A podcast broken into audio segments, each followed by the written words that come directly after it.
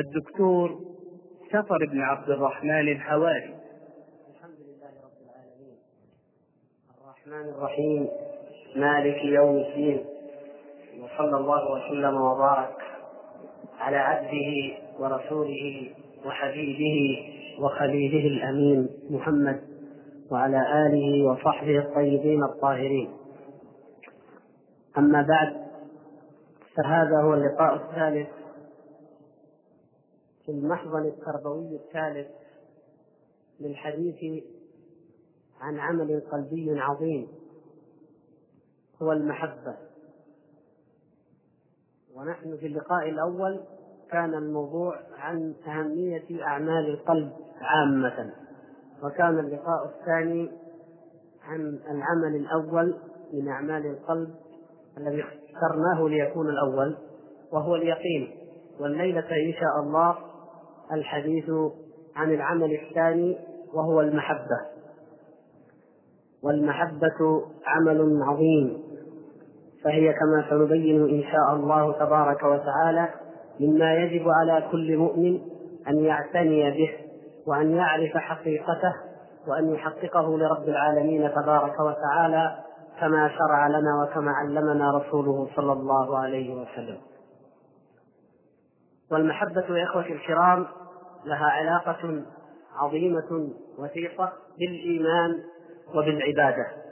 فأما علاقتها بالإيمان فإن أصل الموضوع هو الحديث عن أعمال القلب كما تعلمون. وعمل القلب جزء من الإيمان الذي هو عند أهل السنة والجماعة قول وعمل. فالقول قولان والعمل عملان وإذا أردنا أن نحدد كما حدد شيخ الإسلام رحمه الله في رسالته القيمة النافعة التحفة العراقية في الأعمال القلبية فإننا نقول إن هذا الإيمان أو الدين الذي هو قول وعمل لكل قسم من قسميه أصل. نجد لكل قسم من قسميه أصلا عظيما هو الأساس الذي يقوم عليه فأما الأقوال فأصلها وأساسها هو ماذا؟ الأقوال الصدق العمل القلبي الذي ترجع إليه كل الأقوال ويدخل في كل الأقوال هو ماذا؟ هو الصدق وأما العمل الذي هو من شأن الأعمال ويدخل في كل عمل من أعمال الطاعات فهو المحبة. إذا عرفنا بهذا أهمية عملين من أعمال القلب وهما الصدق والمحبة وعلاقة ذلك بالإيمان. فهذا أصل الأقوال وذاك في الأعمال. وأما العبادة فإن العبادة كما يعلم الإخوة جميعا كما عرفها شيخ الإسلام رحمه الله في كتاب العبودية هي اسم جامع لكل ما يحبه الله ويرضاه من الأقوال والأعمال الظاهرة والباطنة. فالعبادة هي الدين كله. فكل ما أمر الله تبارك وتعالى به فعملنا به وامتثالنا له عبادة. وكل ما حذرنا الله تبارك وتعالى ونهانا عنه فالتزامنا بتركه و وتركنا له ووقوفنا عند حدود الله. فيه هو عبادة. فالعبادة تشمل هذه الأعمال جميعا. والعبادة هي الغرض وهي الحكمة التي خلق لها الثقلان وهي التي طلبها الله تبارك وتعالى وأرادها من خلقه أجمعين وهي التي بعث بها أنبياءه ورسله أجمعين. كما قال عز وجل ولقد بعثنا في كل أمة رسولا أن اعبدوا الله واجتنبوا الطاغوت وكما قال وما أرسلنا من قبلك من رسول إلا نوحي إليه أنه لا إله إلا أنا فاعبدون والأدلة على هذا كثيرة. إذا علمنا ذلك فإن المحبة أيها الإخوة هي غاية العبادة. لأن العبادة هي تأليه الله تبارك وتعالى. إذا رجعنا للاشتقاق اللغوي فالمحبة هي تأليه الله. ولذلك نحن نقول لا إله إلا الله مقرين وشاهدين على أننا لا نعبد إلا الله. ولذلك حقيقة لا إله إلا الله. كما جاءت في بعض الآيات وبعض الأحاديث هي أن لا يعبد إلا الله. فمثلا في آية الأنبياء وما أرسلنا من قبلك من رسول إلا نوحي إليه أنه لا إله إلا أنا فاعبدون هذه لا إله إلا الله. وآية النحل أن اعبدوا الله واجتنبوا الطاغوت. هذه المعنى واحد. ولذلك الرسل الذين قال كل منهم لقومه لا إله إلا الله دعاهم إلى لا إله إلا الله هم قالوا لأقوامهم ألا تعبدوا إلا الله وقالوا لهم أن اعبدوا الله ما لكم من إله غيره كما ورد ذلك في قصص الأنبياء كنوح وهود وشعيب وصالح وغيرهم صلوات الله وسلامه عليهم أجمعين فإذا إذا كانت حقيقة العبادة هي التأله فمن أين تأتي المحبة؟ المحبة هي غاية التأله أو بمعنى آخر نقول إن المحبة عموما في اللغة إذا اشتدت وغلا فيها صاحبها أو عظمت عند صاحبها وارتقت فإنها تصبح ولها. تصبح ولها. ويصبح المحب الذي يحب محبة عظيمة بشغف وشوق شديد والهان يقال له وله وواله وولهان الوله إذا هو شدة المحبة. التأله لله تبارك وتعالى هو شدة محبة الله ومحبة ما جاء من عند الله تبارك وتعالى. فإذا قيل في اللغة فلان يتأله معنى ذلك أنه يتحبب إلى الله تبارك وتعالى ويحب الله تبارك وتعالى محبة عظيمة. والمحبة الشرعية لها علاقة بالعبادة من جهة أخرى. وذلك أن التعبد التأله لا بد أن يجمع أمرين وهما كمال المحبة مع كمال الذل والخضوع. العابد الذي يعبد الله تبارك وتعالى لا بد أن يجمع بين هذين الأمرين وهما كمال المحبة وكمال الخضوع والذلة لله تبارك وتعالى. إذا تجردت المحبة عن الخضوع وعن الذل أصبحت دعوة لا قيمة لها. وهذا ما أخطأ فيه الصوفية وأمثالهم ممن ادعوا محبة الله ولكنهم لم يأتمروا بأمر الله ولم يخضعوا لسنة رسول الله صلى الله عليه وسلم فيحكموها في أقوالهم وأعمالهم وعباداتهم. وإذا أصبحت المحبة ذلا وتجردت أو إذا عفوا إذا أصبحت العبادة ذلا وتجردت عن المحبة أصبح العابد يعبد معبوده وهو لا يحبه فهذه تصبح بغضا وكرها ويصبح العابد هذا مكرها. ففي الحالتين لا يقبل الله تبارك وتعالى هذه العبادة. فلا بد في العبادة من اجتماع الأمرين المحبة من جهة والخضوع والذل من جهة أخرى. إذا بهذا أيها الإخوة على إيجابه لكن أرجو أن يكون واضحا نعلم ارتباط المحبة بحقيقة الإيمان ومعناه وارتباطها كذلك بالعبادة وبالتأله لله عز وجل. فإذا كانت المحبة هي أصل إذا أصل كل الأقوال كل الأعمال. وإذا كانت المحبة هي التي لا بد منها في كل عبادة ركن لا بد منه في كل عبادة فمعنى ذلك أن المحبة تدخل في كل عمل من أعمال العبد التي يعملها. أي عمل تعمله؟ إن ذكرت الله تبارك وتعالى. أو صليت. أو صمت أو قرأت القرآن أو حججت أو اعتمرت أو تصدقت أو أي عمل عملته فلا بد أن يكون ركن المحبة وعنصر المحبة متوفرا فيه. وهذا فرق ما بين المؤمن وما بين المنافق. المنافقون ماذا قال الله تبارك وتعالى فيهم؟ وما منعهم أن تقبل منهم نفقاتهم إلا أنهم كفروا بالله وبرسوله ولا يأتون الصلاة إلا وهم كسالى ولا ينفقون إلا وهم كارهون. هل نفعهم ذلك؟ آمنوا كرها لينجوا تنجو رقابهم من السيف. يجاهدون أيضا كرها. وهم يخرجون مع المؤمنين للجهاد وهم كارهون للجهاد بل هم كارهون لنصر الله. لا يريدون أن ينصر الله هذا الدين. إذا قاموا إلى الصلاة قاموا كسالى لماذا؟ لأنهم يكرهون الصلاة. هذا التثاقل عن العبادة لما في قلوبهم من الكراهية. وإلا فالذي تحبه مهما كنت متعبا مهما كنت مجهدا أو مرهقا الذي تحبه تبادر إليه وتقوم وتنطلق وتسعى وتنسى كل ما تشعر به أو كنت تشعر به من تعب. هكذا فطر الله تبارك وتعالى القلوب والنفوس.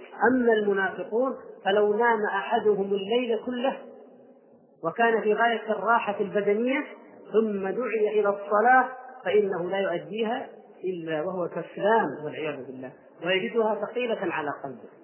وإذا دخل المسجد فهو كالطير المحبوس في القفص لأنه لا يحب المسجد ولا يحب الصلاة ولا يحب ذكر الله تبارك وتعالى. نسأل الله أن يحفظنا وإياكم من النفاق دقيقه وجليله أما المؤمنون فهم بعكس ذلك. المؤمن لا المؤمن يحب الطاعة يحب الله تبارك وتعالى ويحب طاعة الله. يحب أن يقرأ القرآن ويجد في قراءته من الحلاوة واللذة والمتعة ما ينفيه أعظم الهموم ويجلي أحزانه ويشرح صدره ويثلج خاطره ويحب الصلاة فيدفع بها أيضا همه وغمه وألمه ولذلك قلبه معلق بالمساجد كما جاء في الحديث. قلبه معلق بالمساجد من شدة محبته ممن يظلهم الله تبارك وتعالى تحت ظله يوم لا ظل إلا ظل ورجل قلبه معلق بالمساجد وذلك من محبة المؤمنين لطاعة الله. إذا ذهب هذا المؤمن أو سافر إلى أي مكان أول شيء وأهم شيء يسأل عنه ما هو؟ أين المسجد؟ أين يؤذن؟ هل في هذه البلدة عالم؟ هل فيها مكتبة أفيد منها علما يقربني من الله تبارك وتعالى؟ هل فيها كذا وكذا مما هو يقرب إلى الله تبارك وتعالى فهذا قلبه معلق بالمساجد محبته تابعة لطاعة الله ولعبودية الله ورضا الله تبارك وتعالى فحيثما كانت فإنه يتجه ويتبع ذلك. أما أولئك فإنهم تنشرح صدورهم للهو واللعب ولأماكنه. ولو أن أحدهم ظل الليل كله يغني ويطرب ويهتز ويرقص لما تعب ولما تألم. فإذا قيل له الصلاة الصلاة ولو كانت ركعتين ثقلت عليه وكأنه يحمل على ظهره أشد ما تكون الأثقال والأحمال. نسأل الله العفو والعافية. وكذلك النفقة. ولا ينفقون إلا وهم كارهون. الصلاة والزكاة هما الركنان العظيمان العمليان كما تعلمون جميعا. فهذا حالهم في الصلاة حالهم في النفقة وفي الزكاة كذلك. يدفع الواحد منهم ويستلذ أن يدفع في الشر وفي الفجور وفي مقاومة الخير الشيء الكبير. ولذلك هم لما بنوا في عهد النبي صلى الله عليه وسلم لما بنوا مسجد الضرار ألم يكلفهم نفقة؟ ألم يكلفهم جهدا؟ بلى لا بد في أي عمل من تكاليف. لكنهم استحبوا هذا. ووجدوه لا حرج فيه ولا غضاضة كحال كثير من الناس اليوم والعياذ بالله. ينفق ما ينفق.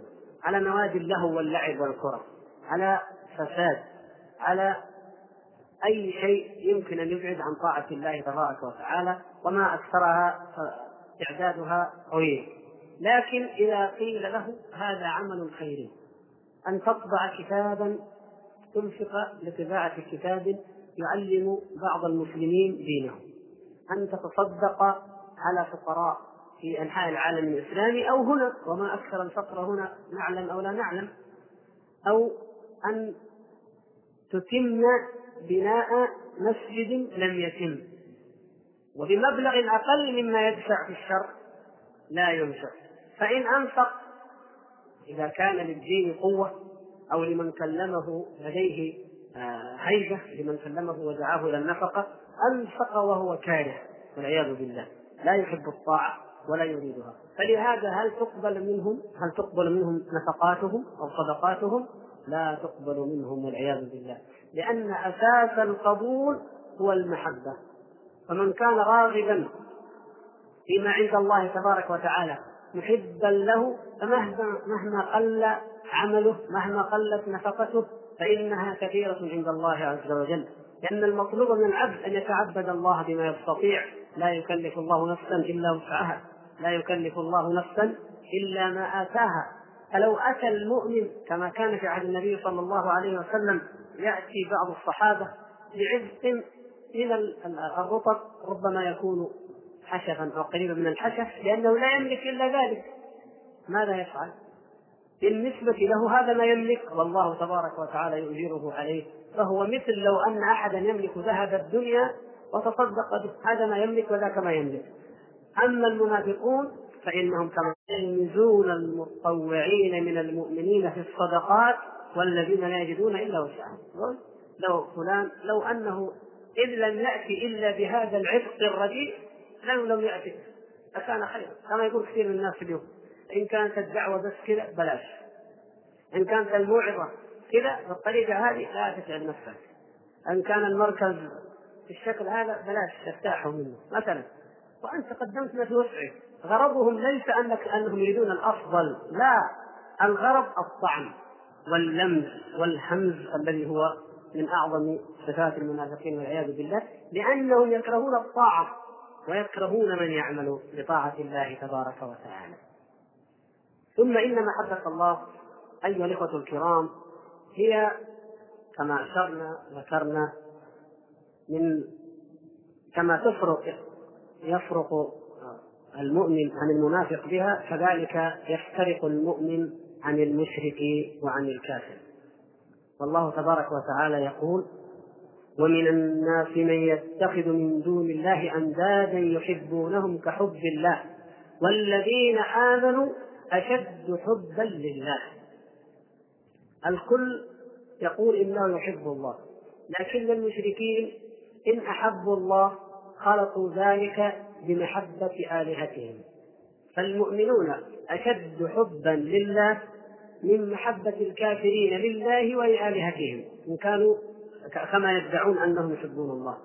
إذ ليس بإمكان أي متأله أن يقول إنني لا أحب الله. كل متأله يزعم أنه يحب الله وإن كان مشركا. المشركون الأولون يقولون نحن نحب الله والمشركون المعاصرون أيضا في هذا الزمن يدعون ذلك. لكن فرق بين المحبة الإيمانية وبين تلك المحبة التي شابه وخالطها الشرك فبطل عمل صاحبها والعياذ بالله.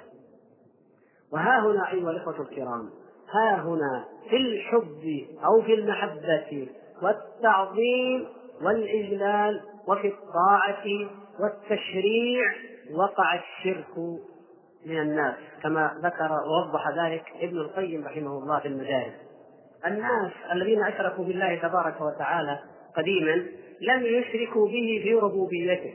فيجعلون خالقا خلق كخلقه أو خلق معه أو يجعلون رازقا يرزقهم من دونه أو معه أو مدبرا يدبر الأمر ومن يدبر الأمر فسيقولون الله كما في آية يونس. هم يقرون بهذا لله إنما كان شركهم وعدلهم وتسويتهم في المحبة والإذلال والتعظيم والطاعة والتشريع. كما يدل على ذلك القرآن. المحبة كما في هذه الآية. وكذلك بالنسبة للطاعة أو للتشريع كما في قول الله تبارك وتعالى اتخذوا أحبارهم ورهبانهم أربابا من دون الله. فهؤلاء لما اتبعوهم وأطاعوهم في تحليل الحرام وتحريم الحلال. فجعلوهم كذلك. إذا إذا آه، الشرك في المحبة شرك عظيم. وأصل عبادة كل معبود هي محبته كما ذكرنا. فالذين أحبوا ودا وسواعة ويغوث ويعوق ونسرا والذين أحبوا المعبودات والمألوهات من دون الله تبارك وتعالى إنما غلوا في محبتهم تلك. صرفوا أو صرفوها إن كانت للصالحين فهي غلو وإن كانت في الأحجار وما أشباهها فهو صرف لما لا يجوز أن تصرف له تلك المحبة. صرف لعبادة خالصة لله تبارك وتعالى لتجعل لغير الله عز وجل فوقع الشرك ووقع العدل ووقعت التسوية التي يندمون عليها ويقولون يوم القيامة والله إن كنا لفي ضلال مبين إذ نسويكم برب العالمين. وهو العدل الذي ذكره الله تبارك وتعالى في قوله الحمد لله الذي خلق السماوات والأرض وجعل الظلمات والنور ثم الذين كفروا بربهم يعدلون أي يسوون به غيره في هذا الأمر. ولما كانت المحبة بهذا المعنى نوعا من أنواع العبادة لا يجوز أن يصرف إلا لله أو لما شرع الله تبارك وتعالى لأن المحبة كما بينا تدخل في كل أنواع العبادات. فالعبادات منها ما هو حق خالص لله فهذا النوع من المحبة لا يشترك فيه أحد ولا يشرك بالله تبارك وتعالى غيره. كما قال عز وجل أنا أغنى الشركاء عن الشرك. فمن أشرك معي عملا ومن عمل لي عملا أشرك معي فيه غيري فهو للذي أشرك أو في الرواية الأخرى تركته وشركه. هذا ما كان حقا لله من العبادات من العبادات ما هو حق للمخلوقين كبر الوالدين والإحسان إلى الجار والفقراء وما أشبه ذلك. فهذه تدخلها المحبة وحق المسلم على المسلم عموما تدخله المحبة بحيث يجب عليك أن تحب المؤمنين كما يجب عليك أن تبغض الكافرين. فإذا المحبة تدخل في كل أنواع العبادات. نتكلم عن النوع الخالق هذا الخاص بالله تبارك وتعالى. هذا النوع كلما كمل العبد فيه كان ذلك أرقى. يعني كلما اجتهد في تحقيقه كان أكمل وأعظم درجة. ولذلك من أعظم الناس محبة؟ من أعظم الناس محبة لله تبارك وتعالى؟ من الذي كمل في العبودية أو كمل في المحبة حتى بلغ الدرجة العليا من العبودية لله عز وجل؟ من؟ نعم الأنبياء عموما. ومنهما أو أفضلهما في ذلك الخليلان. الخليلان إبراهيم ومحمد صلوات الله وسلامه عليهما. الخليلان يقول صلى الله عليه وسلم لو كنت متخذا خليلا لاتخذت أبا بكر خليلا. يعني النبي صلى الله عليه وسلم لم يتخذ من أمته خليلا. مع شدة محبته لأبي بكر رضي الله تعالى عنه ولعائشة رضي الله تعالى عنها. لكن لأنه لا يريد أن يتخذ خليلا إلا الله تبارك وتعالى. فهو خليل الرحمن كما أن إبراهيم خليله صلوات الله وسلامه عليهما. ولذلك كانت أعمال الخليلين وحياة الخليلين شاهدا على كمال الخلة الذي حققه. فإن إبراهيم عليه السلام لما ابتلاه الله بأن يترك ابنه وزوجته في هذه الصحراء القاحلة في واد غير ذي زرع ويذهب ويرجع إلى بلاد الشام ولا يترك معهما شيئا توكل على الله وأيقن وصدق وذهب وتركهما. ثم لما ابتلي أكثر من ذلك بأن يذبح ابنه. حقق ذلك وأضجعه وتله للجبين. ولولا أن الله تبارك وتعالى فداه بالذبح العظيم لذبح ابنه.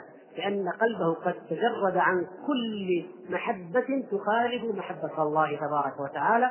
وأصبح خليلا للرحمن والخليل لا يمكن أن يخالف أمر خليله أبدا بل يأتمر بأمره ويطيعه في كل شيء. ويطيعه في كل شيء وفي كل أمر.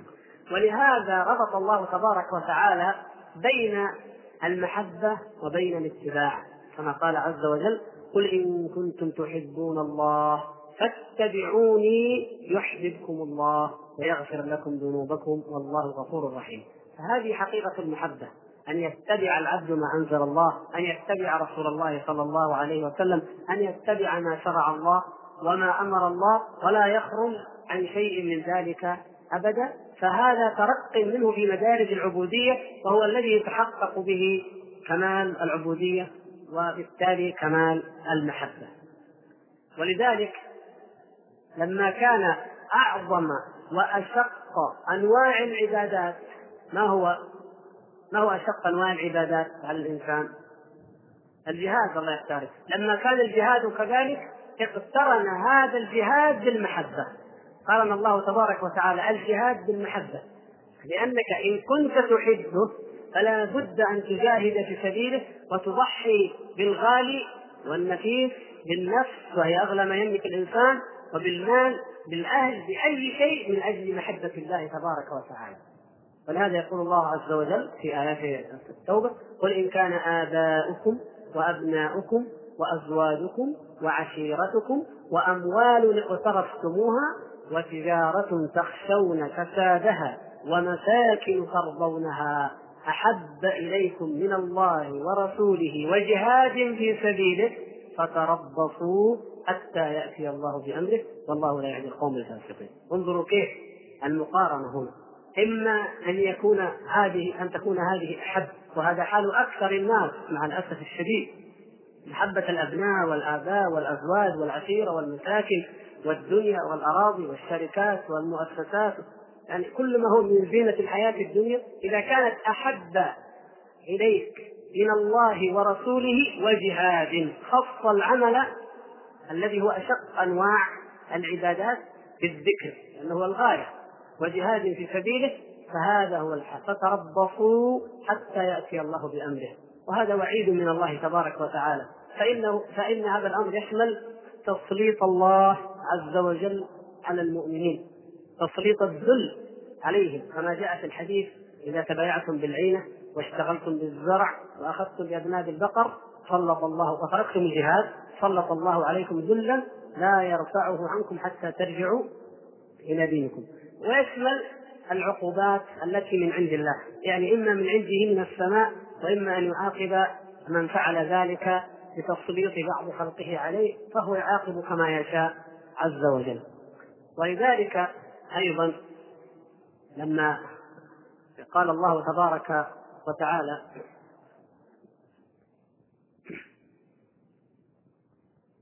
لما قال عز شأنه يا أيها الذين آمنوا من يرتد منكم عن دينه فسوف يأتي الله بقوم يحبهم ويحبونه. انظروا هذه الصفة العظيمة. أول ما ذكر يحبهم ويحبونه أذلة على المؤمنين أعزة على الكافرين يجاهدون في سبيل الله ولا يخافون لومة لائم انظروا كيف.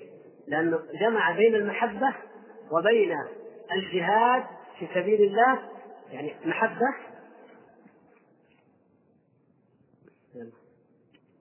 محبة للمؤمنين لله تبارك وتعالى وبالتالي للمؤمنين طبعا. هو وجعلها متبادلة. يحبهم ويحبونه سبحان الله يحبهم ويحبونه. دليل على أنه اصطفاهم واختارهم من بين خلقه وإلا فهو تعالى يخلق ما يشاء.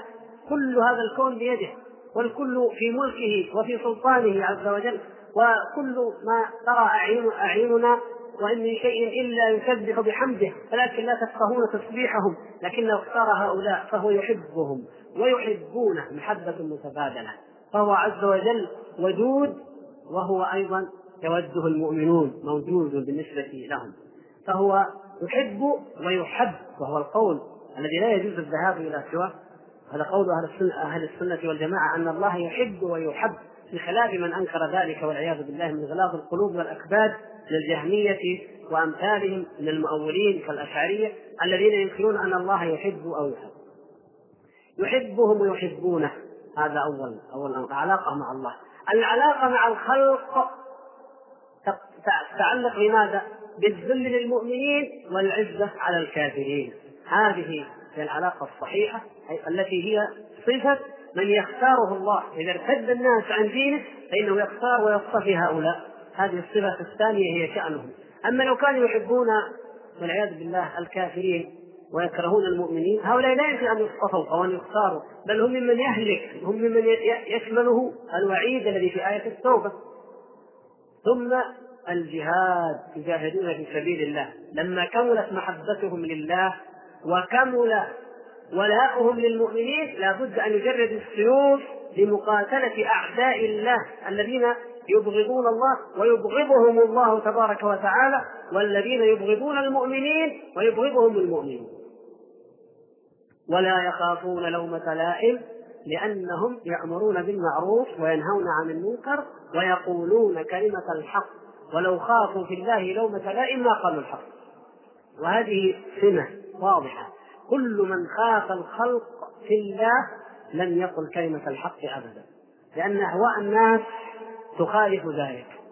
إن تكلمت في الأخطاء والانحرافات والضلال الذي يقع فيه الحكام والسلاطين هذا لا يعجب الحكام ولا يرضيهم. وإن تكلمت فيما يقع فيه التجار من المحرمات المعاملات المحرمة وما أشبه ذلك لا يرضي التجار. وإن تكلمت فيما يقع فيه طلاب العلم مثلا غضبوا عليك. وإن تكلمت فأي أيما طائفة من الناس خالفت أمر الله ودين الله أمرتهم بالمعروف ونهيتهم عن المنكر لا يعجبهم ذلك.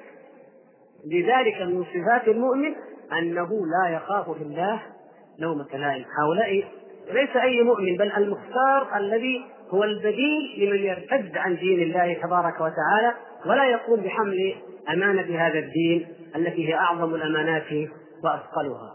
فلذلك كما آه، نعود إلى أصل. قفل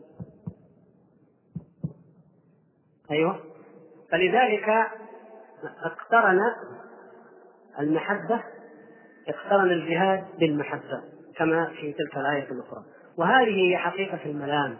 حقيقة الملام الذي لا نقول يسعى إليه المؤمنون ولكن كل من عمل بتقوى الله وأحب الله وأحب رسول الله صلى الله عليه وسلم وأطاع الله واتقاه وأحب المؤمنين وأبغض الكافرين فلا بد أن يتعرض لهذا الملام. أما الذين سموا أنفسهم الملامية أو الملامتية من الصوفية وأشباههم ويقولون نتعرض للوم لكي نهين أنفسنا ولكي نرغمها ويتظاهرون ببعض المعاصي أمام العامة حتى يهينوهم ويذلوهم يقولون نتبع بذلك الرياء. وأمثال ذلك من الأباطيل. فهذا انحراف عن منهج التربية والتزكية الذي شرعه لنا رسول الله صلى الله عليه وسلم بأمر من الله. وهذا هو الملام المذموم فهم مذمومون في أعمالهم وإن لحقهم اللوم فهو في محله. أما المؤمنون فإنهم بإخلاصهم في دين الله واجتهادهم في طاعة الله لا بد أن يلاموا. وهل قام أحد يا إخوة الكرام؟ هل قام أحد بشيء من هذا الدين أو بهذا الدين وأراده وعمل من أجله وجاهد عليه ولم يتعرض للوم أبدا حتى الرسل الكرام صلوات الله وسلامه عليهم. قيل هذا ساحر شاعر كاهن كذاب أساطير الأولين اكتسبها أعانه عليه قوم آخرون أشياء عظيمة جدا. فلا بد أن يقع اللوم. اذا ما عليك إلا أن تستقيم على أمر الله فإذا وقع هذا اللوم وأنت لا تطلبه فاحمد الله الذي أعانك ووفقك لتصبر وتثبت وتكون ممن اختارهم الله تبارك وتعالى. ثم إن المحبة لله يتبرع عنها محبة عظمى وهي محبة رسول الله صلى الله عليه وسلم. ولهذا قال صلى الله عليه وسلم كما في المتفق عليه لا يؤمن أحدكم حتى أكون أحب إليه من والده من ولده ووالده والناس أجمعين. ومحبة رسول الله صلى الله عليه وسلم عمل قلبي عظيم وقربة عظمى فهي قرة عيون المؤمنين الذين إن كانوا ممن رآه فوالله لا يعدلون برؤيته صلى الله عليه وسلم شيئا في هذه الدنيا. وإن كانوا ممن لم يروه كما هو حالنا فوالله لا يرون أن شيئا في هذه الدنيا يساوي أن يكونوا رأوا رسول الله صلى الله عليه وسلم مهما أوتوا من متاعها. وإن أعظم ما يرجون عند الله تبارك وتعالى في الجنة أن يروا ربهم عز وجل وأن يروا رسول الله صلى الله عليه وسلم ويكونوا رفقاءه في الجنة. هذا غاية ما يسعى إليه كل مؤمن وكل متقن. ولذلك فإن من محبته صلى الله عليه وسلم من لوازمها الاهتداء بهديه والاقتداء بسنته ومحبة ما أحب. وأعظم ما أحب رسول الله صلى الله عليه وسلم أنه أحب الله وأحب الجهاد وأحب الأمر بالمعروف وأحب النهي عن المنكر وأحب الصلاة وأحب المؤمنين. وأبغض صلى الله عليه وسلم الكفر والشرك والنفاق والكافرين والمشركين والمنافقين والفجار والكذابين والظالمين وهكذا. بهذا يكون الإنسان سائرا على درب المحبة وطريقها. كما قال عز وجل قل إن كنتم تحبون الله فاتبعوني يحببكم الله ويغفر لكم ذنوبكم. فجعل الله تبارك وتعالى حقيقة محبة الله في اتباع رسول الله صلى الله عليه وسلم.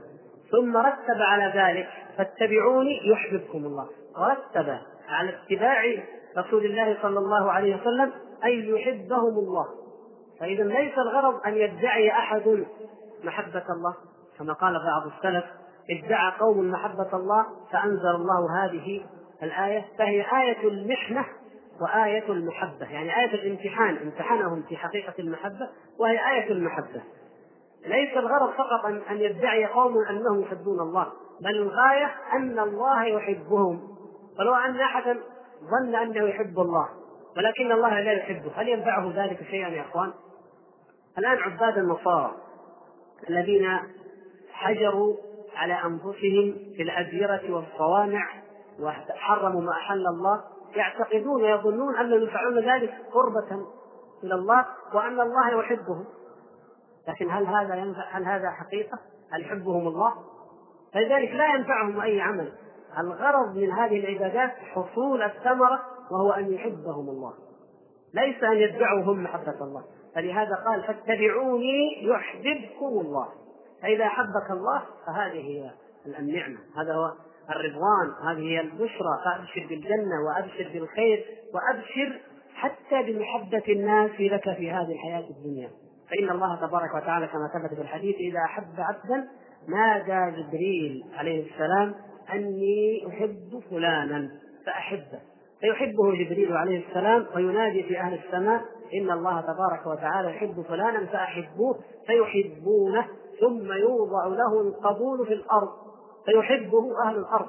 سبحان الله. هذا فضل من الله تبارك وتعالى على من يحب الله عز وجل.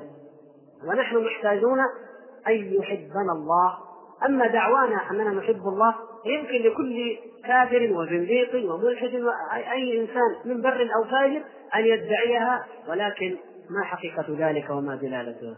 نقول هذا أيها الإخوة الكرام ونحن كما تعلمون على مشارف شهر ربيع الأول وتحدث البدع وتحدث المنكرات وتحدث الموالد التي ما أذن الله تعالى بها ولا شرعها ويقال إن ذلك من محبة رسول الله صلى الله عليه وسلم. فلا بد أن يعلم الإنسان أن المحبة في الحقيقة هي في الاتباع أن لازمها الاتباع. لا نقول أن الاتباع يتجرد عن المحبة بمعناها القلبي لا. فالمحبة القلبية هي من هي من الاتباع. من اتباعه أن نحب الله وأن نحبه صلى الله عليه وسلم في الاتباع العام. والالتزام بسنته صلى الله عليه وسلم هو أثر ولازم وظاهر هذه المحبة التي هي عمل قلبي أن يظهر ذلك في السلوك وأن يظهر في الجوارح وأن يظهر الأعمال بأن يحب العبد كل ما أحب صلى الله عليه وسلم ويبغض كل ما أبغض ويتأسى به في كل عمل وفي كل ما ثبت عنه صلى الله عليه وسلم. وتقديم محبة الله على غيره أو محبة رسوله صلى الله عليه وسلم يثمر للعبد أمرا عظيما جدا نعمة كبرى. يثمر ثمرة لا يعادلها كنوز الدنيا جميعا ولا ملذاتها جميعا. ألا وهو ما جاء في الحديث وهو حلاوة الإيمان. ثلاث من كن فيه وجد بهن حلاوة الإيمان. الإيمان شيء وحلاوة الإيمان شيء آخر. أن تجد حلاوة الإيمان التي متى ما وجدتها وعرفت نعمتها فإنه يهون أمامك كل شيء. تشعر بأن هذه هي جنة الدنيا. كما قال شيخ الإسلام رحمه الله إن في الدنيا جنة من لم يدخلها لم يدخل الجنة جنة الآخرة. بقدر تنعمك بحقيقة الإيمان في قلبك يكون تنعمك بالجنة بإذن الله. أما الذين أغلقت قلوبهم وحجبت وطمست بالكفر والشهوات والشبهات في الدنيا عن ذكر الله ومحبته فهؤلاء هم أهل النار والعياذ بالله. أن يكون الله ورسوله أحب إليه مما سواهما. لاحظوا كيف. أن يكون الله ورسوله أحب إليه مما سواهما من كل شيء. فلا يقدم عليهما محبة أي شيء. فحيثما تعارض مقتضى محبة الله مع مقتضى محبة الأهل أو النفس أو الزوجة أو كذا أو كذا من الأحباب والأخلاء والأصدقاء فإنه يجب أن نقدم مقتضى محبة الله تبارك وتعالى على ذلك. وأن يحب المرء لا يحبه إلا لله. وهذا فرع عن الأول لأن الناس لا بد لهم من علاقات. فهذه علاقتنا مع ربنا ومع رسولنا صلى الله عليه وسلم. لكن فيما بيننا لا بد من علاقات. فماذا كيف تكون العلاقة بين الخلق؟ أن تكون المحبة في الله. إذا هذا يذكرنا بما في الآية يحبهم ويحبونه. أذلة على المؤمنين أعزة على الكافرين. كل الآيات والأحاديث دائما وكما أوضحنا مرارا في منهج أهل السنة والجماعة تترابط وتدل على معنى وحقيقة واحدة. وأن يكره أن يعود إلى الكفر بعد إذ أنقذه الله منه كما يكره أن يلقى في النار. سبحان الله من ذاق طعم الإيمان ومن ذاق حلاوته ومن أحب الله ورسوله وقدم محبتهما على كل شيء وأحب المرأة أخاه ولم يحبه إلا لله خالصا في وجهه الكريم فإنه لا بد أن تثمر عنده هذه الحالة الثالثة وهي أنه لا لا يعود الكفر ولا يحب ذلك ولو قذف في النار كما قذف أصحاب الأخدود وكما عذب أصحاب رسول الله صلى الله عليه وسلم. ويفتن المؤمنون دائما في كل زمان ومكان ولا يرجعون عن دينهم أبدا. فبهذا يذوق العبد حلاوة الإيمان. ولهذا يجعل الله تبارك وتعالى من الذين يظلهم تحت ظل عرشه يوم لا ظل إلا ظله ورجلان تحابا في الله اجتمعا على ذلك وافترقا عليه. تجردت محبتهما من أن تكون عن هوى أو شهوة أو غرض مما يجتمع عليه الناس وهذه هي المحبة التي تدوم عند الله تبارك وتعالى. أما ما عداها فكل نسب وكل علاقة وكل صلة وكل محبة يوم القيامة ليست لله عز وجل فهي مقطوعة ويتبرأ بعضهم من بعض ويلعن بعضهم بعضا ويعادي بعضهم بعضا على مودتهم في الحياة الدنيا. الأخلاء يومئذ بعضهم لبعض عدو إلا المتقين إلا المتقين. فالمتقون أحباء في الدنيا وأحباء في الآخرة فيتحابون في ذلك. ولهذا ليس لم يكن عند الصحابة الكرام كما في حديث أنس الصحيح لم يكن عندهم أرجى من قوله صلى الله عليه وسلم المرء مع من أحب. الله أكبر. قالوا هذا أرجى ما سمعنا. المرء مع من أحب. فقالوا فنحن نحب رسول الله صلى الله عليه وسلم ونحب أبا بكر وعمر فنرجو أن نكون معهم. يعني إن لم نلحق بهم بأعمالنا فإننا نرجو أن نلحق بهم بمحبتنا لهم. وهذا أثر أو هذا يعني أثر محبة محبة الله وأثر تحقيق المحبة أنها تثمر لصاحبها علوا ورفعة في درجة لم يكن ليصل إليها لولا هذه المحبة. فإن قصر بك العمل يا أخي وكلنا كذلك فلا يجوز أن يقصر بنا عمل القلب إن قصر بنا عمل الجوارح من أن نجاهد كجهادهم أو آه، نأمر بالمعروف كأمرهم أو نتعبد كعبادتهم فيجب أن نحبهم بقلوبنا وأن نسأل الله تبارك وتعالى مرافقتهم وأن نبغض من أبغضهم ومن عاداهم وبذلك نصل بإذن الله تبارك وتعالى إلى أن ننال من الخير الكبير بأن نصل إلى إلى قربهم أو إلى أن ندنو منهم. هذا شرف عظيم. وفخر كبير وغاية لو شمر لها العابدون والساعون الدهر كله لكانت مستحقة لذلك. فحقيقة المحبة إذن هي ما قدمنا من حيث علاقتها بالإيمان ومن حيث علاقتها بالعبادة ومن حيث أن المحب على الحقيقة لا يقدم أمرا ولا نهيا على أمر ونهي من يحبه وهو الله تبارك وتعالى. فيشمل ذلك الاستقامة في حال الإنسان في سره وعلانيته في كل شأن من شؤونه واتباع سنة رسول الله صلى الله عليه وسلم الذي جعل اتباعه امتحانا لحقيقة المحبة وامتثالها. أسأل الله الكريم رب العرش العظيم أن يجعلني وإياكم ممن يحبهم الله ويحبونه وممن يقيم هذه الأعمال وهذه رب العرش العظيم أن يجعلني وإياكم ممن يحبهم الله ويحبونه وممن يقيم هذه الأعمال وهذه الحقائق القلبية الإيمانية في نفسه وأهله ومجتمعه ويدعو إلى ذلك إنه سميع مجيب ونترك بقية الوقت للأسئلة. جزا الله خيرا. فضيلة الشيخ سفر بن عبد الرحمن الحوالي على هذه المحاضرة القيمة التي أسأل الله العلي العظيم أن ينفعنا بها وأن يجعل في ميزان حسناتنا وفي ميزان حسنات شيخنا حفظه الله تعالى. وهناك كثير من الأسئلة. هذا السائل يقول اتصلتم في ذكر أعمال القلوب عند أهل السنة والجماعة فهل من إشارة إلى هذه الأعمال عند بعض الفرق وإزالة شبههم التي قد لونت أفكار كثير من الناس؟ نعم في الحقيقة في اللقاء الأول أشرنا إلى ضلال وانحراف الفرق إجمالا. وهنا في موضوع المحبة الأمر يحتاج إلى تفصيل طويل. لكن لعلنا نوجز فيه وفي ذهني ما شكاه الإخوة البارحة. الإخوة أصحاب التسجيلات قالوا لا يريدون أن نزيد على ساعة ونصف وكذلك يعني نحن نجهد إذا ردنا لعلنا نوجز إن شاء الله في الأسئلة كما اختصرنا في المحاضرة. المحبة الصوفية الزنادقة هكذا سماهم السلف الزنادقة. كل من ادعى المحبة من غير تعبد واتباع للسنة فإنه يسمى ويعد زنديقا. هم الذين غلطوا وضلوا في المحبة. لأن المنهجين المخالفين لأهل السنة والجماعة هما أهل الكلام وأهل التصوف. فأما أهل الكلام فإنهم ينكرون أن الله تعالى يحب أو يحب. وهذا ضلال عظيم والعياذ بالله. فهم غلاظ القلوب والأكباد جفاة في في يعني كيف نتخيل أن يعبدوا الله وهم يعتقدون أنه لا يحب ولا يحب؟ وهم لا يحبون الله والعياذ بالله. فهذا ضلالهم.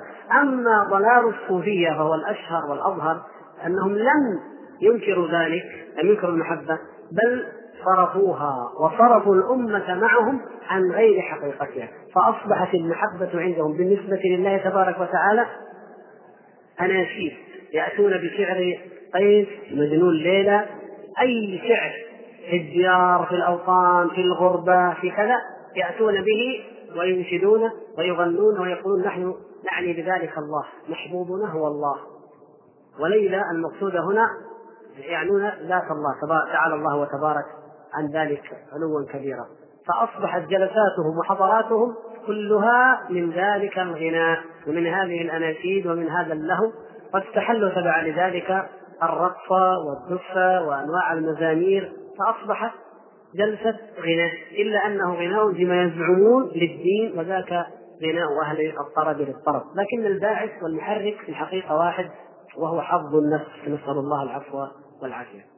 وظلوا بمحبة رسول الله صلى الله عليه وسلم فزعموا أن محبته أن تتحدث عنه عن مولده وكيف كان والعجائب في ذلك ضعيفة أو موضوعة أو صحيحة. المهم تذكر ثم لا يذكر جهاده ودعوته وما دعا إليه وإنما كله يتعلق بشخصه صلى الله عليه وسلم ببدنه صلى الله عليه وسلم بعد أن يتحدث عن عن مولده ويعدون ذلك عشقا بل يسمونه أحيانا عشقا والعياذ بالله ويتكلمون في ذلك. ما ثبت منه أيضا وما لم يثبت عن لونه وشعره وعينيه وكذا صلوات الله وسلامه عليه. ويقتصرون على هذا الجانب ويخلطون الصحيح بالضعيف والموضوع. هذه محبة رسول الله صلى الله عليه وسلم عندهم. أما المؤمنون أهل السنة والجماعة فمحبتهم كما ألمحنا آنفا. يقول السائل فضيلة الشيخ عندما تذكر المحبة عند الصوفية تذكر رابع العدوية فنريد نبذة موجزة عنها وما موقفنا منها. عندما تذكر يعني. نعم. تذكر الرابعة التي يسميها البعض شهيدة الحب الإلهي شهيدة العشق الإلهي. وكان هذا في القديم حيث كتب وقيل فيها ما قيل ثم حديثا عملت الأفلام باسم رابعة العدوية والعياذ بالله. رابعة العدوية الذي أراه أن نقول فيها ما قاله أئمة الجرح والتعديل. وقد قال أبو داود رحمه الله وأبو داود تلميذ الإمام أحمد في الحديث وفي الجرح والتعديل يقول ورابعة رابعتهم على الزندقة. أن رابعة العدوية كانت من هذا النوع من ظلال العباد الذين ضلوا في عبادتهم وخرجوا عن السنة فهي كانت تزعم أن أمرها وشأنها كله محبة. أسقطت الخوف والرجاء بالكلية وعلقت نفسها بالمحبة وامتنعت عما شرع الله تبارك وتعالى للنساء من الزواج وغيره وتبتلت وترهبت ترهب النصارى وليس التبتل الذي شرعه الله تبارك وتعالى لعباده. فهي كما قال آه، رحمه الله ما ثبت وما صح وما يصح عندنا هو ما يقوله علماء الجرح والتعديل أما ما يفتريه الصوفية وأمثاله فهذا لا شأن لنا به وإن كان فيما يذكرون هم أيضا عنها يذكرون عنها طوام ويذكرون عنها مكفرات انها عندما تقول إنني لم أحب لا أحب الجنة ولا أحب النار وإنما أحب الله فقط وتقول إن من أحب الله من أجل الجنة أو النار أو من أحب من اجتهد في العبادة لاجل الجنة والنار فهو اجير كما ينسب إليها أو كما تقول أحبك حبين حب الهوى. وحب لأنك أهل لذاك فأما الذي هو حب الهوى فشغلي بذكرك عمن سواك وأما الذي أنت أهل له فكشفك للحجب حتى أراك.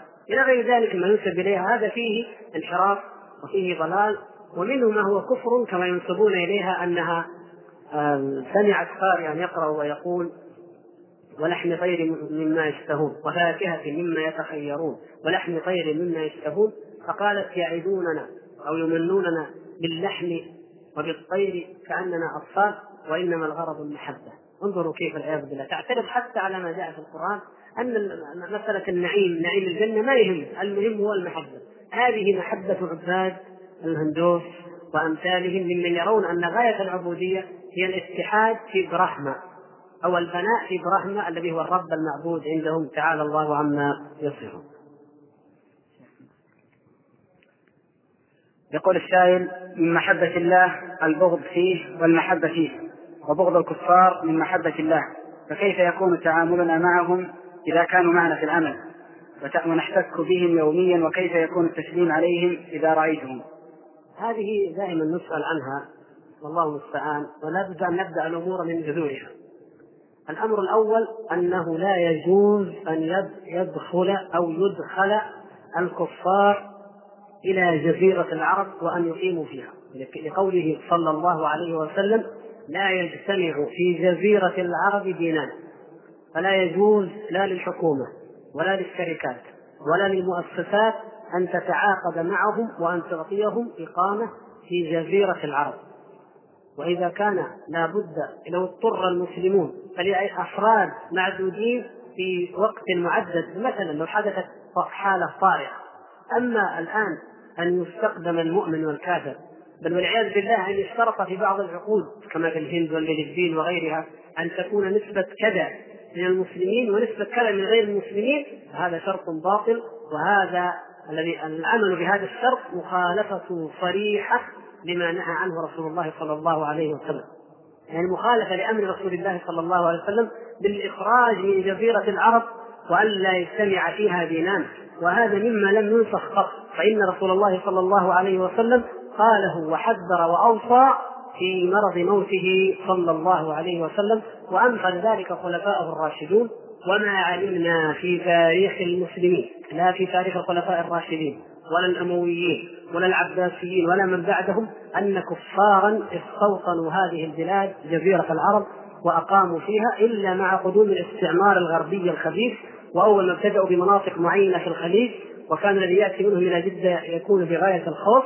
ثم لما فتح الله علينا بهذه النعمة وامتحننا وابتلانا بهذه الثروة جئنا بهم واستسهلنا ذلك وأصبح كأنه أمر عادي لا حرج فيه. نسأل الله العفو والعافية. هذا من الذنوب والكبائر التي قد توجب غضب الله ونزول عقابه والعياذ بالله والناس يستهينون بها الخادمة كافرة والعامل كافر. والمحاسب كافر والمدير كافر. والمشكلة ومصيبة تقع في كثير من الإدارات أن يولى الكفار على المسلمين. فهذا والله مناقض لما سمعتم في الآية من أنه يجب أن تكون الذلة للكافرين من المؤمنين والعزة للمؤمنين. أما أن أن تكون الأمور بالعكس وأن يتسلط الكافر على المسلم فهذا لا يرضي الله تبارك وتعالى أبدا. طيب وقد ابتلينا بهم ما العمل؟ نتعامل معهم بما من شأنه إن شاء الله أن يفتح قلوبهم للحق إن رأينا أن ذلك يجدي وينفع فالمعاملة الحسنة مطلوبة من الإنسان والعدل مطلوب منه حتى مع هؤلاء الذين هم كفار والذين لا يجوز أن يؤتوا به إلى هنا لكن المعاملة الحسنة والاجتهاد في إتقان العمل وغير ذلك من الأمور التي يمكن أن يفتح الله تعالى بها قلوب بعضهم ليهتدوا. هذا أمر طيب. أما ما شرعه الله من ترك البدء بالسلام عليهم واضطرارهم إلى أوسط الطريق وترك أكل آه، أكلهم أو ذبائحهم إن لم خاصة إن لم يكونوا من أهل الكتاب أو كانوا أهل الكتاب لكن لم يذبحوها وغير ذلك من الأمور العملية فهذه وإن كانت مشروعة في الأصل لأهل الذمة وأهل الذمة موضعهم بلاد الشام ومصر وأمثالها فإن أيضا هذه الأحكام تسري هنا ما دام أنهم قد جاءوا وإن كان الذين هنا ليسوا بأهل الذمة ولا ينطبق عليهم ذلك العقد. يقول السائل فضيلة الشيخ ذكرتم في محاضرتكم أن الذي يقوم إلى الصلاة ويجدها ثقيلة عليه ليس بمؤمن ويكون فيه صفة من صفات المنافقين. ونعلم أن الصبر ثلاثة أنواع صبر على طاعة الله وصبر على معصية الله وصبر على أقدار الله المؤلمة فهذا الذي يقوم إلى الصلاة ويجدها ثقيلة ألا يكون هذا من الصبر على طاعة الله؟ ثم أن الله سبحانه وتعالى يقول كتب عليكم القتال وهو كره لكم فهذا القتال طاعة لله وعبادة ومع ذلك هو كره على نفوس المؤمنين. فكيف تكون المحبة شرطا في العبادة؟ نعم يعني هذا الأخ. اختلط في ذهنه مقدمة العمل ونتيجته.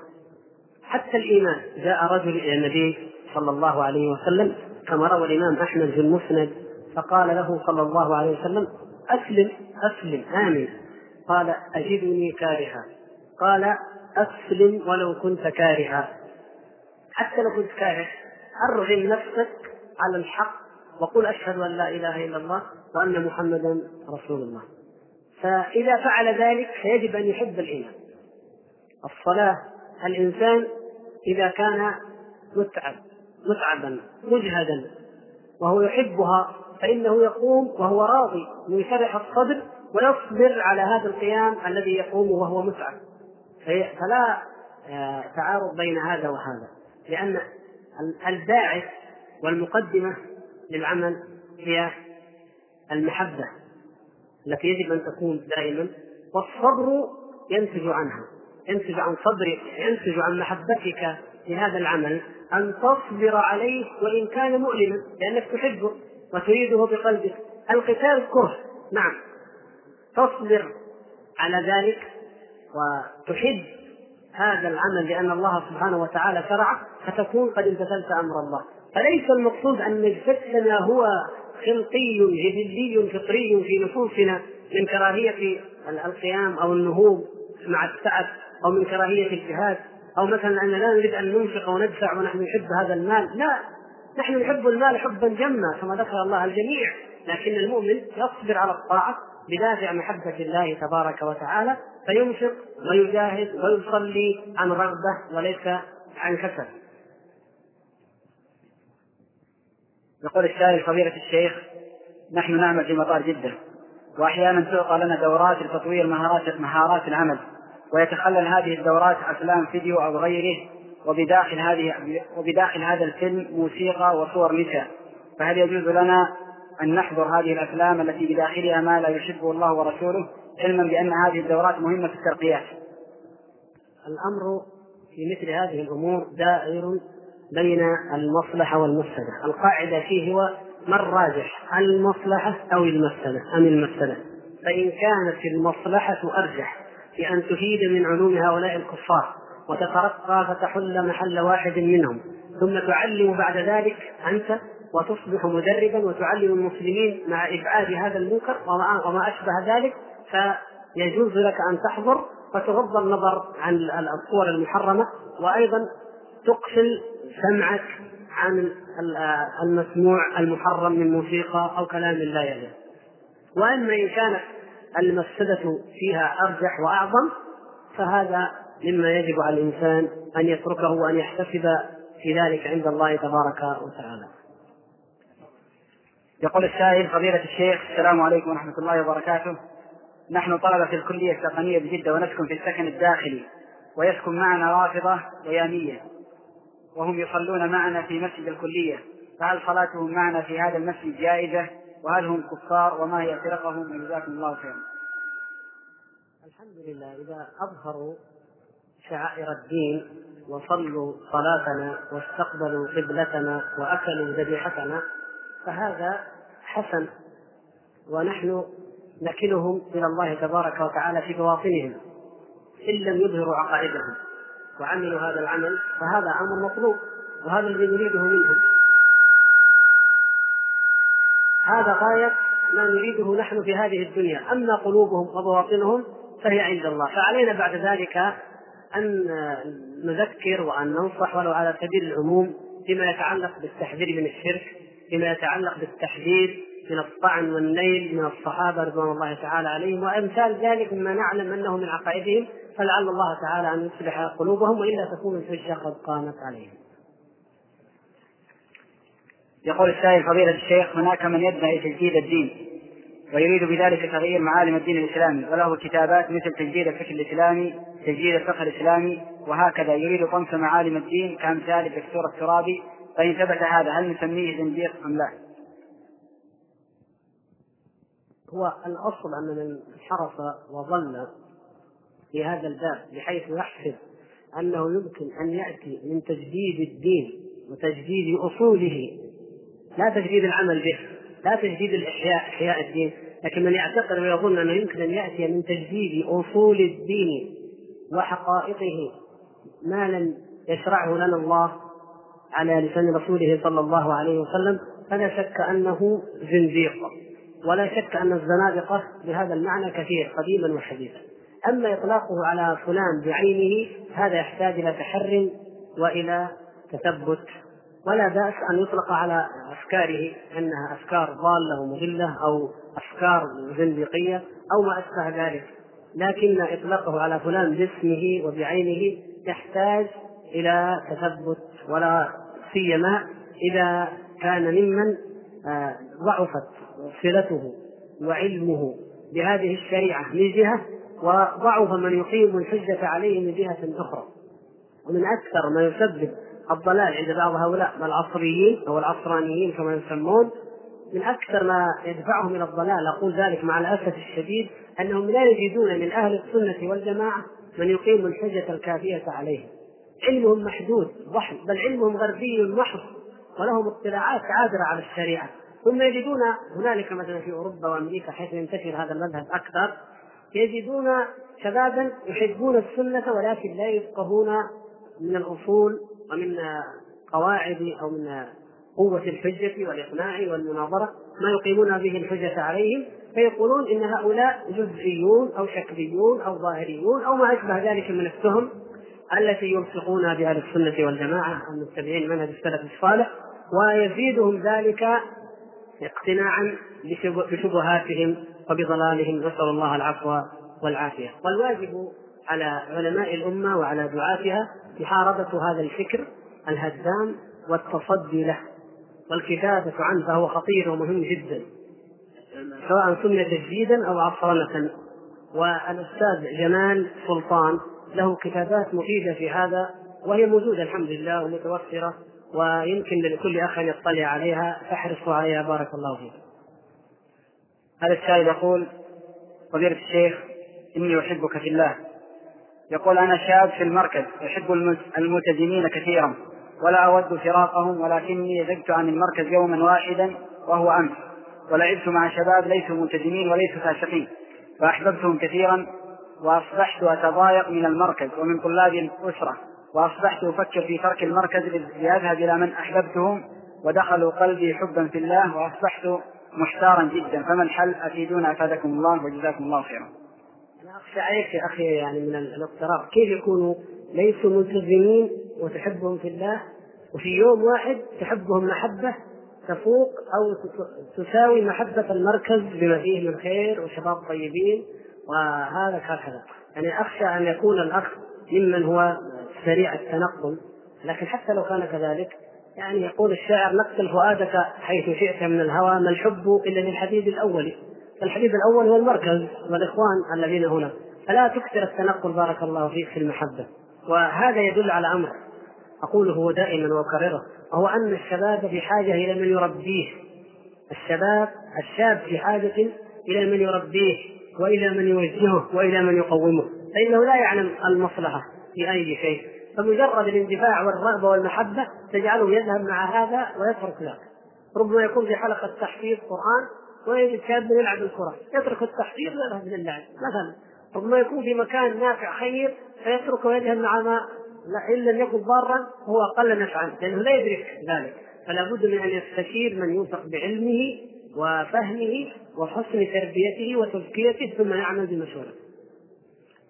يقول فضيلة الشيخ الرجاء الإجابة على ما وقعت فيه ونصحي فيما يبعدني وينجيني من هذه المعصية عافاكم الله والمسلمين جميعا حيث ابتليت بحب النظر إلى النساء فأصبح هذا مرض في نفسي ولكن أحب الله ورسوله مما أتعبني كثيرا فكيف الخلاص وأرجو الدعاء لي الدعاء لي وجزاكم الله خيرا. الله أن يهدينا وإياك ويثبتنا على الحق ويعصمنا من الضلال. الحمد لله ما دمت أنك تحب الله ورسوله فأبشر بخير واجعل ذلك وسيلة لأن لا تحب غير الله مما حرم الله أن لا تحب ما حرم الله. فقد حرم الله تبارك وتعالى النظر إلى النساء الأجنبيات وأمر المؤمنين فقال وقل للمؤمنين يغضوا قل للمؤمنين يغضوا من أبصارهم ويحفظوا فروجهم. فلا بد من غض النظر ومن حفظ الفرج كما أمر الله تبارك وتعالى. فإذا فعلت ذلك يا أخي فإنك تكون حقيقة محبا لله ومحبا لرسول الله صلى الله عليه وسلم. وهذا ذنب من الذنوب التي تطرأ على العبد فيعالج بما تعالج به سائر الذنوب من التوبة والإقلاع عنه والاستغفار والعزم على أن لا ترجع إليه أبدا. والاستعانة بالله تبارك وتعالى ثم بمجالس الخير وحلق الذكر وترك المثيرات وترك المغريات وأن تعلم أنك مهما نظرت فإنما توجه سهاما إلى قلبك. فالنظر هذا شأنه. وأعلم يا أخي أنه ما دمنا قد علمنا أن النظر هذا من تزيين الشيطان فإن الشيطان يزين لك ما تنظر. حتى أنك لو رأيت أو نظرت إلى من حرم الله فتعلق قلبك بها ولكنك لو تزوجتها مثلا بالحلال لكانت أقل بكثير في عينك مما لو كنت تنظر مما كنت تراها به أو عليه والنظر إليها حرام مثلا. وهذه حالة لا يسع المقام في التفصيل فيها لكن المقصود أن تزيين الشيطان وعزه وإغراءه هو الذي يدفع الشباب إلى هذا. وإلا لو أن العبد اعتصم بالله تبارك وتعالى فإنه أرجو أن يجد عوضا عن ذلك ايمانا يجد حلاوته في قلبه كما ورد ذلك في الحديث وأحيلك بهذا إلى كتابين مهمين الأول هو كتاب الجواب الكافي والثاني كتاب دم الهوى لابن الجوزي فلعل فيهما ما يرجع إن شاء الله. يقول السائل فضيلة الشيخ السلام عليكم ورحمة الله وبركاته وبعد. نخبركم أننا نحبكم في الله ونرجو الإجابة على ما يلي. ما رأيكم في المراكز الصيفية؟ فهناك من ينفر الشباب من المراكز. وفي المقابل هناك من يحث الشباب ويرغبهم. فما رأيكم في ذلك؟ هذا كلام عام المراكز. حسنها حسن وقبيحها قبيح. كما المدارس كالبشر. كأي أمر كأي أمر من الأمور الأخرى. فمن المراكز ما يكون فيها الخير والعلم النافع والسنة والحق. وهذا والحمد لله. هو الذي يعني لاحظناه وشاهدناه فيما زرنا من مراكز ولا نزكيهم على الله. وقد يكون قد يكون في بعض المراكز انحراف أو خطأ أو معاصي أو ما أشبه ذلك. نحن آه، نقول قد يكون لأننا لا لا نعلم ولم نرى كل المراكز. لكن أقول أن من العدل أن لا يذم شيء مطلقا بمجرد الاسم مطلقا أو يمزح مطلقا بمجرد الاسم. مجرد الاسم لا يعطي معنى. لأن اسمه مركز لكن هل هو مركز سنة وحق وطاعة وفائدة أو مركز بدعة مثلا وضلالة وضياع؟ هذا بهذا يفرق هذا عن هذا. فأنت عليك أن تختار يا أخي الحق والخير والطاعة وما يفيدك في دينك ودنياك. وغيرك إن لاحظت أو رأيت وعلمت عنه أمرا فلإنكار المنكر وسائله الكثيرة المعروفة من ذاتك أو عن طريق يؤثر عليهم أو ما أشبه ذلك. أما الذم المطلق هكذا فهذا من الظلم ومن الإجحاف يقول السائل فضيلة الشيخ السلام عليكم ورحمة الله وبركاته. يقول هناك بعض طلبة العلم ومن الذين لهم القيادة بين الشباب ولكن المشكلة هي أن بين هؤلاء الشباب أي طلبة العلم بينهم من البغضاء والشحناء ما يشيب الرأس فهل من كلمة توجيهية؟ وجزاكم الله خيرا. هذه هي الحالقة. كما أخبر صلى الله عليه وسلم لا تحلق الشعر ولكن تحلق الدين.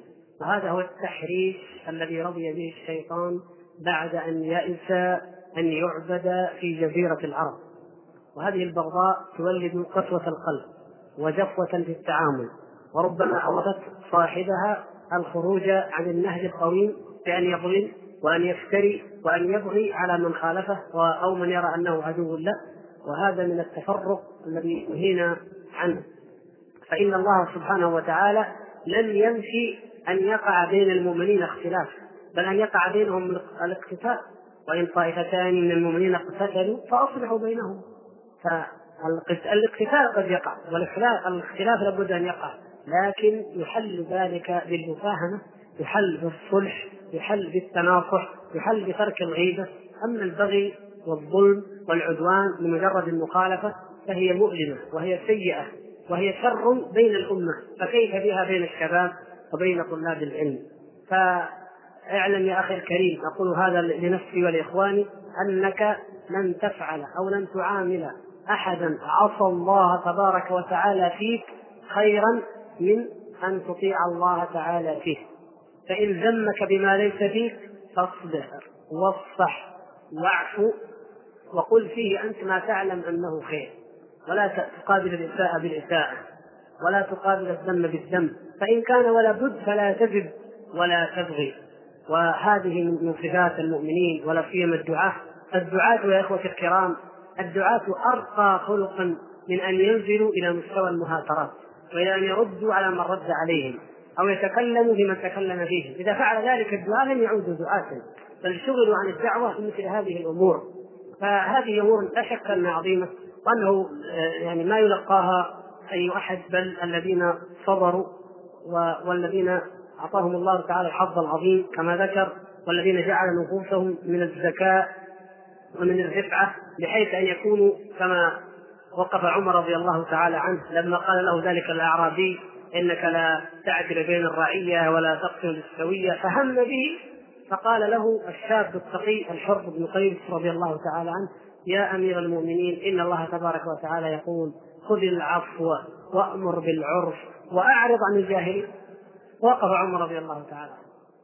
نعم انظروا كيف هذا يا إخوان الصفح والعفو والإحسان حتى إلى من أساء إليك وخاصة من كان يعلم شيئا مما أنزل الله ويعلم شيئا من حدود الله اعلم أنه سيؤدي بك سيؤدي هذا الأمر بإذن الله إلى أن يندم ويتأسف ويحبك. عندما يرى أنه يرد عليك ولا ترد عليه ويهاجمك ولا تهاجمه ويتكلم فيك ولا تتكلم فيه لا بد أن يرجع إن كان في قلبه إخلاص لله تبارك وتعالى. وأما من لم يكن كذلك فاعلم أنه لا بد في كل زمان من حثالة تقف في وجوه الدعاء. وتبذل الفرقة بين الشباب. يعني بين أهل الخير. هذه الحثالة لا دواء ولا حيلة معها أبدا. كما قال الشاعر لي حيلة في من ينم وليس في الكذاب حيلة. من كان يخلق ما يقول فحيلتي فيه قليلة. النمام قد تقفل يديك عنه تمشي لكن الكذاب يخترق أي شيء. فلا حيلة فيه إلا أن تصبر وتحتسب ذلك عند الله. فإذا علمنا أنه لابد أن يظل هناك فئة شأنها القطع والتشهير والتضليل والتبديع لأهل الحق ولأهل الهدى ومهاجمتهم بالباطل لا بد من ذلك فلا بد أن نحتمل وأن نغض النظر عنه وكأنه لم يكن فأرجو أن يكون لدى الإخوة من الأخلاق الرفيعه السامية العالية ما يجعلهم يترفعون عن البغضاء وعن الشحناء فيما بينهم أو سماع من يثير هذه الشحناء والبغضاء فيما بين شباب الدعوة والخير والهدى. يقول السائل فضيلة الشيخ اني يحبك في الله. يقول ما هي ثمرة المحبة في واقع عبادة المسلم وفي واقع أحوال المسلمين وأوضاعهم المعاصرة وفي أسئلة كثيرة جدا تسأل عن أوضاع المسلمين في البوسنة والهرسك وأفغانستان وفي تونس وفي اليمن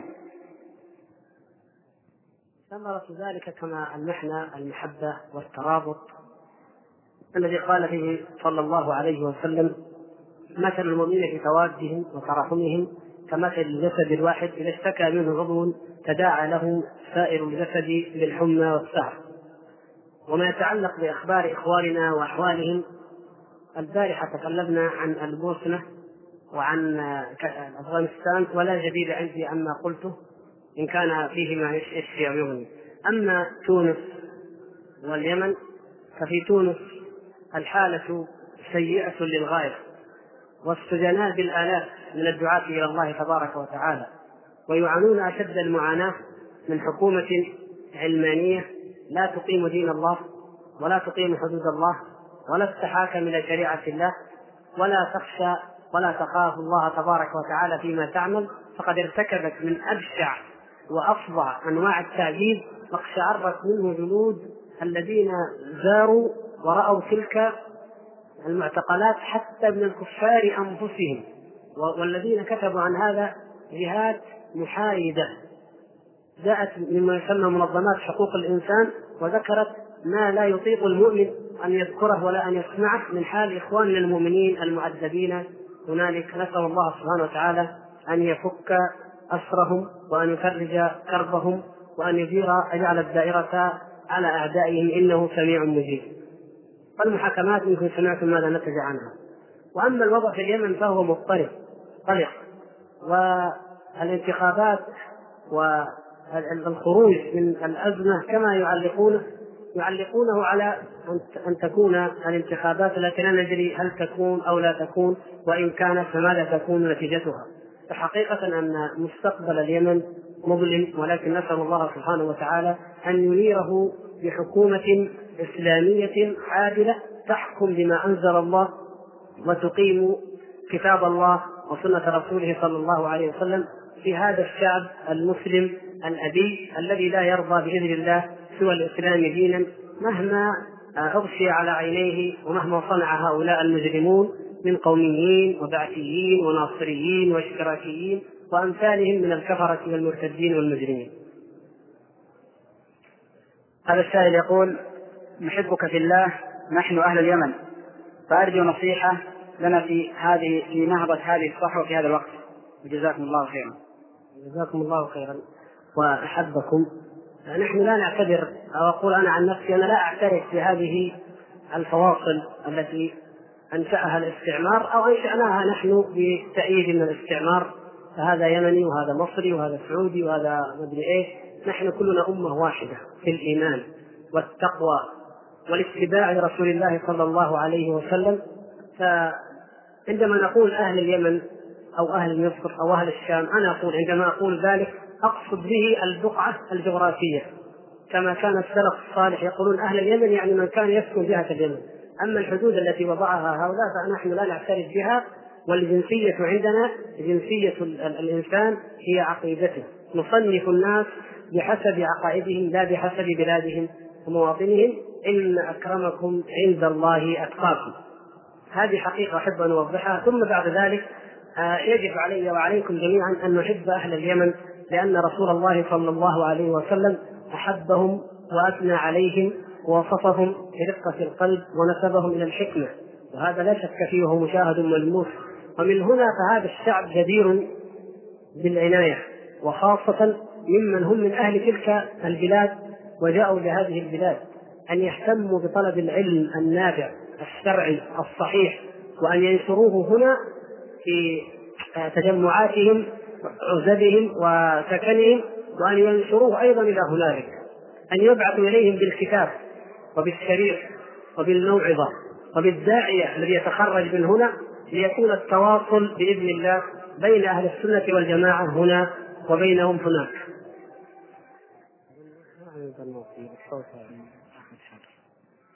يقول فضيلة الشيخ هذا السؤال من شباب مركز الصديق يطلبون منكم توجيه كلمة لهم وجزاكم الله خيرا. طيب نختم بهذا لأن الأصوات كما تسمعون آه الذي أريد أن أقوله وأوجه به إخواني ونفسي أولا هي أن نتقي الله سبحانه وتعالى فهذه وصية الله إلى الأولين والآخرين. ولا حرج أن نكررها كلما طلب منا التوجيه. كما قال الله تبارك وتعالى ولقد وصينا الذين أوتوا الكتاب من قبلكم وإياكم أن اتقوا الله. ثم أوصي إخواني الكرام بأن يقدروا أمانة الدعوة وحمل هذا الدين وأن يجتهدوا في تحقيق الدعوة إلى الله تبارك وتعالى بإخلاص لله واتباع لسنة رسول الله صلى الله عليه وسلم ومنهج السلف الصالح والبعد عن البدع وعن مضلات الفتن وعن الأهواء. وأن يتحابوا فيما بينهم وأن يتآخوا وأن يتعاونوا وأن يتشاوروا وألا يجعل الشيطان هذا الشباب الزاكي الطيب الغض في في في هذه الأمواج من شباب الشهوات والشبهات ألا يجعلهم أحزابا وفرقا. كل حزب بما لديهم فرحون وكل منهم يطعن في هذا أو يغتابه أو يتكلم فيه أو يوقع بينهم. ما يريد أن يبذر من الفتن نسأل الله أن يحفظنا. وإياكم جميعا منها ما ظهر وما بطن. ثم أوصي إخواني الموجهين والقائمين على هذه المراكز وأمثالها بالصبر والتحمل والأناة ومتابعة هؤلاء الشباب ما أمكن ها هنا في بيوتهم بعد ذهابهم من أجل أن تكون تربيتهم أشمل وأعمق وأزكى لهذه القلوب الغضة الطرية بإذن الله. وأوصي الشباب المسلم بالإطاعة إطاعة أن يطيع أن يطيع المربين والموجهين في طاعة الله تبارك وتعالى وأن يكونوا من الانضباط ومن النظام بحيث يمتثلون ما يوجهونهم به وأن يعودوا أنفسهم ذلك ففي هذا خير لهم وحصول النفع والفائدة من التربية أكثر وأكثر. هذا وأسأل الله الكريم رب العرش العظيم أن يمن علي وعليكم وعلى إخواننا المسلمين جميعا بالهدى والاستقامة وأن يؤتي نفوسنا وقلوبنا تقواها فإنه خير من زكاها وهو وليها ومولاها إنه سميع مجيب والحمد لله هذه المادة تسجيلات الآثار الإسلامية. جدة. هاتف رقم ستة ثمانية ثلاثة صفر خمسة ستة خمسة. أيها الأحبة يكفي للإنسان أن يشعر بهذه النعمة لو وقف مع نفسه هنيهة وتفكر. لو أنه في هذه الأيام بل في هذه الساعة ليس بمسلم. لو كان يهوديا كيف حياته؟ أو نصرانيا كيف يكون؟ أو بوذيا أو هندوكيا أو مجوسيا أو ملحدا لا يعرف ربا ولا دينا ولا رسالة ولا ولا آخرة ولا بعد ولا نشور كيف قيمته وكيف يعيش؟ وكيف يلاقي الله غدا يوم القيامة؟ إذا تفكر الإنسان هذه النظرة عرف قدر النعمة التي نعيش فيها أيها الأحبة. وعرف كم نحن فيه من نعمة حرمها كثير من خلق الله سبحانه وتعالى. فهل يا ترى شكرنا الله عليها؟ وعرفنا قدرها؟ وقمنا بحق شكرها علينا؟ أم أن الغفلة أشغلتنا عن ذلك؟ نعمة أخرى أيها الأحبة وهي منبثقة عن هذه التي ذكرها الله سبحانه وتعالى في قوله اليوم أكملت لكم دينكم وأتممت عليكم نعمتي ورضيت لكم الإسلام دينا حينما سمعها أحد الأحبار من اليهود الذين هداهم الله فأسلموا بعد ذلك قال يا رسول الله والله لو علينا أنزلت معشر اليهود لاتخذنا ذلك اليوم عيدا. لأنها آية عظيمة ونعمة كبيرة أن الله أكمل لنا الدين وأتم لنا النعمة بإكمال هذا الدين ورضي الله سبحانه وتعالى لنا هذا الدين دينا ندين به الله عز وجل. قال له عمر رضي الله تعالى عنه والله إني لأعلم في أي يوم وأي ساعة أنزلت هذه الآية. أنزلت على رسول الله صلى الله عليه وسلم وهو بعرفة واقفا بعرفة في يوم جمعة فهو يوم عيد. نزلت هذه الآية في يوم عيد من أيام المسلمين يوم عرفة في يوم الجمعة. والنبي صلى الله عليه وسلم واقف بعرفة. النعمة الأخرى أيها الأحبة المنبثقة عن هذه النعمة أن الله سبحانه وتعالى جعلنا من أهل السنة والجماعة. كم والله ممن ينتسبون إلى هذا الدين وهم لا يعرفون منه إلا اسمه. ويبذلون الغالي والنفيس ظنا منهم أن ذلك يقربهم من الله سبحانه وتعالى وتلك الأعمال لا تزيدهم من الله إلا بعدا والعياذ بالله. هذه والله هي الخسارة. وهذه وهذا والله هو الضياع. قل هل ننبئكم بالأخسرين أعمالا الذين ضل سعيهم في الحياة الدنيا وهم يحسبون أنهم يحسنون صنعا. فنعمة الله سبحانه وتعالى علينا أيها الأحبة أن جعلنا من أهل السنة والجماعة. نعمة والله لا تعد ولا, ولا تقدر بقدر ولا تقاس بثمن ولا يمكن للإنسان أن يحصي لها شكرا أو يقوم لها بشكر أو جزاء على هذه النعمة. نعم كثيرة أيها الأحبة. هذه الأيام يلاحظ الإنسان كثرة الدعاء وكثرة الأحزاب وكثرة الجمعيات التي تنادي كلها إلى الإسلام. والله أعلم المحق من المبطل. والله أعلم ممن عمله يقربه من الله عز وجل وممن عمله يبعده من الله عز وجل. هنا وهناك في كل مكان رايات ترفع ظاهرها الدعوة إلى الإسلام وهي تخفي وهي تبطن في خفاياها ما الله به عليم. أيها الأحبة هذا يجعلنا في حاجة إلى الرجعة إلى الرجعة إلى الأصول الأولى التي عاشها الرسول صلى الله عليه وسلم وعاشها الصحابة رضوان الله تعالى عليهم كيف كانت حياتهم؟ وكيف كان اعتقادهم؟ وكيف كان حملهم لهذا الدين؟ ثم النظر إلى أحوالنا نحن اليوم وأحوال هذه الرايات التي ترفع هنا وهناك هل هي على طريق النجاة أم على طرائق أخرى وشعب أخرى وسبل أخرى.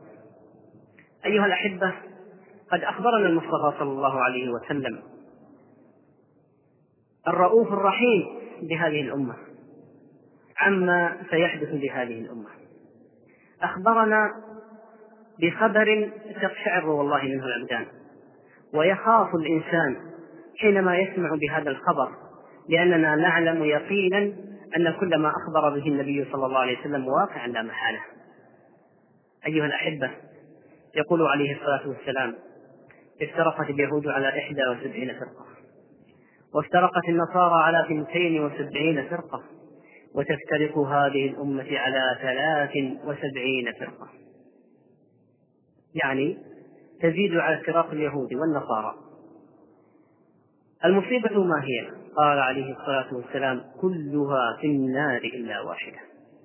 ثلاث وسبعون فرقة كلها تنتسب إلى هذا الدين وتظن أن أعمالها تقربها من لله تقربها إلى الله عز وجل. وهذه كما أخبر النبي صلى الله عليه وسلم كلها في النار إلا واحدة. هذا الخبر أيها الأحبة خبر ثابت صحيح روي عن أكثر من خمسة عشر صحابيا من صحابة رسول الله صلى الله عليه وسلم. والله إن الإنسان لا يقشعر جلده حينما يسمع بمثل هذا الخبر. كم من إنسان يظن أنه يتقرب إلى الله عز وجل ولكنه والعياذ بالله في بعد من عن الله وعن صراطه وعن منهجه القوي كلها في النار إلا واحدة. خاف الصحابة رضوان الله تعالى عليهم. ووجدوا كيف ذلك يا رسول الله؟ صفهم لنا بينهم لنا ما هي هذه الفرقة الناجية؟ وكل مسلم يجب عليه أن يحرص ألا يكون من هذه الثنتين والسبعين فرقة الهالكة أن يسعى إلى صفات هذه الفرقة الناجية لعل الله أن يكتبه منهم وأن يجعله منهم. ماذا قال النبي صلى الله عليه وسلم؟ الذي لا ينطق عن الهوى عليه الصلاة والسلام والذي أوتي جوامع الكلم قال كلمات قال كلمات يسيرة ولكنها ميزان ثابت لا يتغير ولا يتبدل إلى قيام الساعة. ما هي صفات هذه الفرقة الناجية؟ قال عليه الصلاة والسلام من كان على مثل ما أنا عليه وأصحابي. الله أكبر. من كان على مثل ما أنا عليه وأصحابي. هذا هو الميزان الثابت الذي لا يتغير. بينه الرسول صلى الله عليه وسلم لنا في هذه الكلمات. فهو ميزان ثابت لا يمكن أن يتغير ولا يتبدل.